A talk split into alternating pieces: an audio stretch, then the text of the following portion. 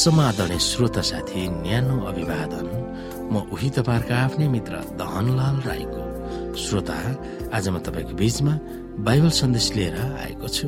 आजको बाइबल सन्देशको शीर्षक रहेको छ पवित्र आत्मा परमेश्वरलाई दुखित नतुल्याओ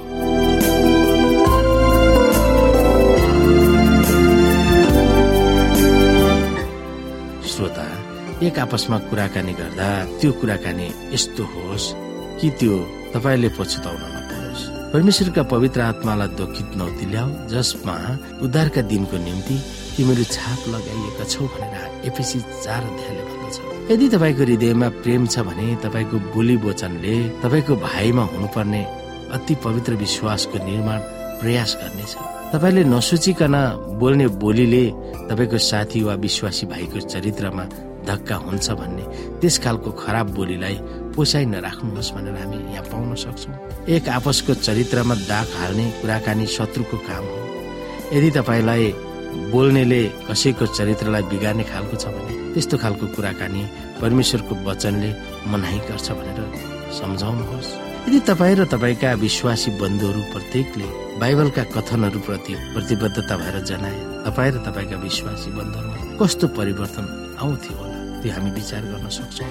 सेभेन द एडभान्टेज चर्च परिवार र बाहिरका सबै मानिसहरूसँग मेरो प्रभाव सकारात्मक मनोबल उचाल्ने विश्वासको निर्माण गर्ने र नैतिकतालाई उच्च स्तरमा राख्न चाहन्छु भनेर एफिसी चार अध्यायले हामीलाई उत्प्रेरणा गर्दछ।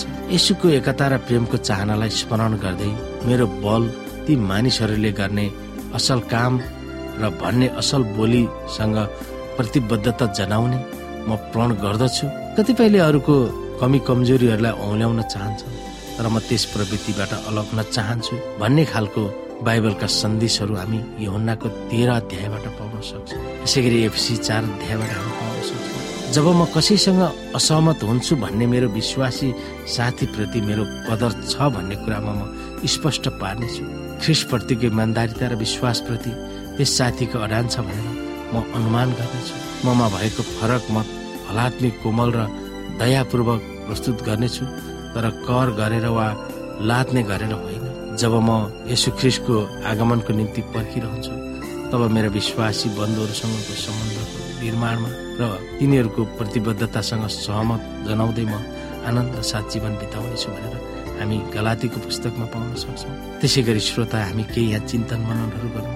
मानव प्राणीको निम्ति त्रिएक परमेश्वरमा त्रिएक परमेश्वरका सदस्यहरू जुटिरहेका छन् भने पावलले एफिसीको पुस्तकमा एघार पल्ट वर्णन गरेको कुरालाई हामी हेर्न सक्छौँ। त्रिएक परमेश्वरप्रति हाम्रो विश्वास अडिक होस् भनेर पावलले यसरी दोहोऱ्याएर चर्चा गर्दा त्यस त्रिएक परमेश्वरप्रति हाम्रो आत्मज्ञान कसरी बलियो हुन सक्छ? हामी धेरै पुस्तकहरूलाई अध्ययन गर्न सक्छौँ यहाँनिर। एफिसी एक अध्यायलाई एफिसी तिन अध्यायलाई एफिसी छ अध्यायलाई। यहाँ प्रभु भनेर सम्बोधन गर्दा ख्रिस्टलाई औल्याउँछ भनेर हामी पाउन सक्छौँ। एफिसीको चार अध्यायको पच्चिसदेखि बत्तीसमा इसाईहरूको बोलीचाली कस्तो हुनुपर्छ भनेर पावलले दिएका सल्लाह वर्तमान कम्युट र युगमा कसरी प्रयोग गर्ने जसमा विभिन्न सञ्जालहरूद्वारा जान्ने वा नजान्ने गरेर दमन गर्ने र चरित्र हत्या गर्ने प्रवृत्तिहरू छ्यापछ्याप्टी भएको हामी पाउन सक्छौँ। के हामीले पावलले सिकाए अनुसारको बोली वचनहरू हामीले मानिसहरूको बिचमा गऱ्यौँ या गरेनौँ? सोच्यौँ या सोचेनौँ त्यो कुराहरूमा हामी भर पर्न सक्छ। तर दुःखको कुरा स्रोत साथी आज संसारमा मानिसहरूलाई उचाल्ने भन्दा पनि मानिसहरूलाई घिराउने खालको प्रवचनहरू मानिसहरूले दिएको हामी देख्छौँ। मानिसहरू मानिसको चरित्रमा हावी भएका हामी हेर्न सक्छौँ। मानिसले मानिसको चरित्रलाई कसरी गिराउन कुन खालको अस्त्र धारण गर्नुपर्छ भन्नेसम्म पनि बाँकी नराखिकन मानिसलाई मानिसको कामहरूमा विभिन्न टिका टिप्पणीहरू हामी गरेका सुन्दछौँ।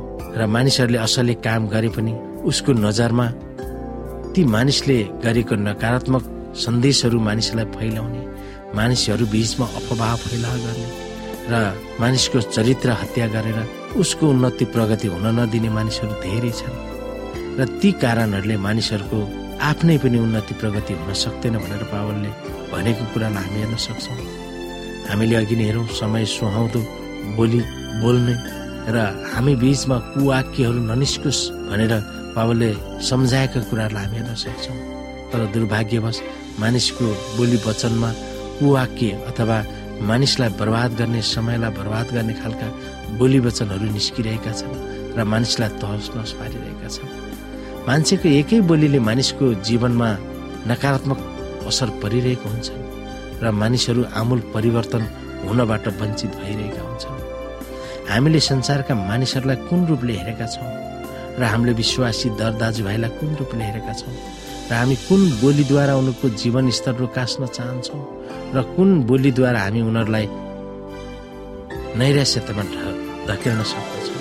ती कुराहरूमा हामी विचार गर्न सक्दछौँ। हामी आफैमा प्रेम भावनाहरू आएन भने हामीले मानिसहरूको जीवनलाई उचाल्न सक्दैनौँ। मानिसहरूलाई हामीले सहायता गर्न सक्दैनौँ।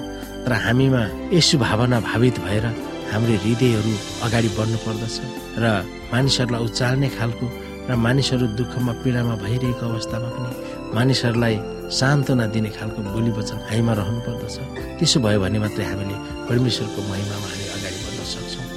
नत्र भने हामी र हाम्रो समुदायलाई हामीले झन् झन् हामीले पापमय संसारतिर धकिलिरहेका हुन्छौँ। ती कुरा तपाईँ र मैले विचार गर्नु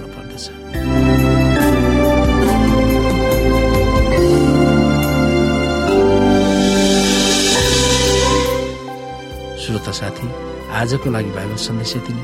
हस्त नमस्ते जय मसिंह।